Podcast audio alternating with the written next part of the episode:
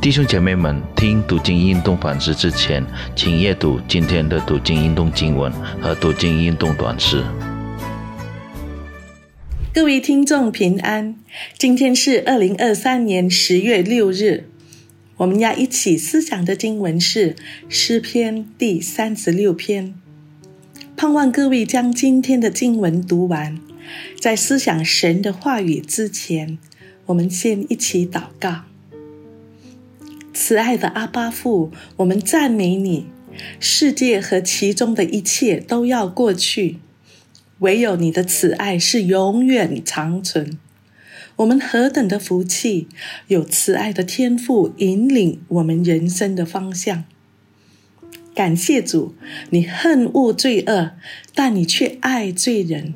甚至差派你的爱子主耶稣基督来到世上，为我们的罪恶钉在十字架上。无限的神成为有限的人，完全圣洁的神却担当所有世人的罪。没有比这更大的爱了。赞美感谢主，奉主耶稣的圣名，阿门。读经运动反思，今天的主题是主的信实慈爱。诗篇三十六篇一开始，我们看见作者自称为仆人，这是完全谦卑自己的态度。因此，接下来所陈述的是对神的瞻仰、敬畏和自己的不配，教于灵长。灵长是诗班长的意思。这篇诗篇可以分成三段：一到四节，陈明二人所思所行的；五到九节，描述神的慈爱；十到十二节，神的慈爱胜过人的罪恶。经文一到四节中，陈明二人犯罪后会对自己说。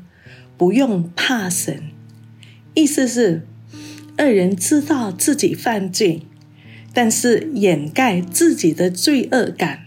他告诉自己不用怕神，他借着继续蒙蔽自己，自夸自己犯罪很高明，不会被发现。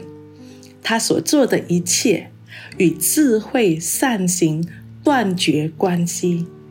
甚至睡觉前所想的是坚持继续行恶。我们看见罪恶是一步步的辖制我们，到最后我们无法不犯罪。很常见的例子，当我们要掩盖自己的谎言，只能用更大的谎言来掩盖。因此，世人靠自己的意志根本无法脱离罪恶。感谢主，诗人接着告诉我们：靠着神，我们有希望。五到八节，作者形容耶和华，你的慈爱上及诸天，你的信实达到穹苍，你的公义好像高山，你的判断如同深渊。而且，神要拯救的。包括人民和牲畜，这位神不是高高在上，以致我们觉得高不可攀。他是愿意跟我们共享他所有的丰盛。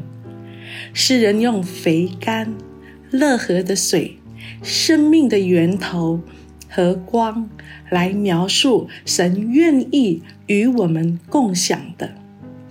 结尾的部分。世人向神祈求，愿你常施慈爱给认识你的人，常以公义待心里正直的人。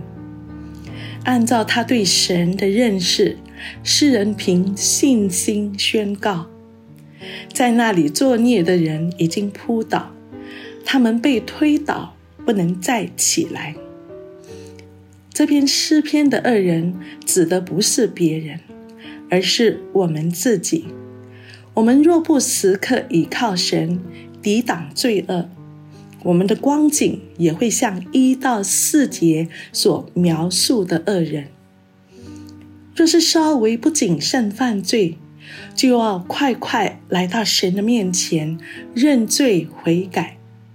神的慈爱是要拯救所有的人，不要以更大的罪掩盖之前的罪，使我们在罪中越陷越深。我们一起祷告，亲爱的天父上帝，感谢你，你的慈爱何其宝贵，世人投靠在你的翅膀的印下，他们必因你殿里的肥甘。得以饱足，你也必叫他们喝你乐河的水，因为在你那里有生命的源头，在你的光中，我们必得见光。奉主耶稣的圣名，感谢，阿门。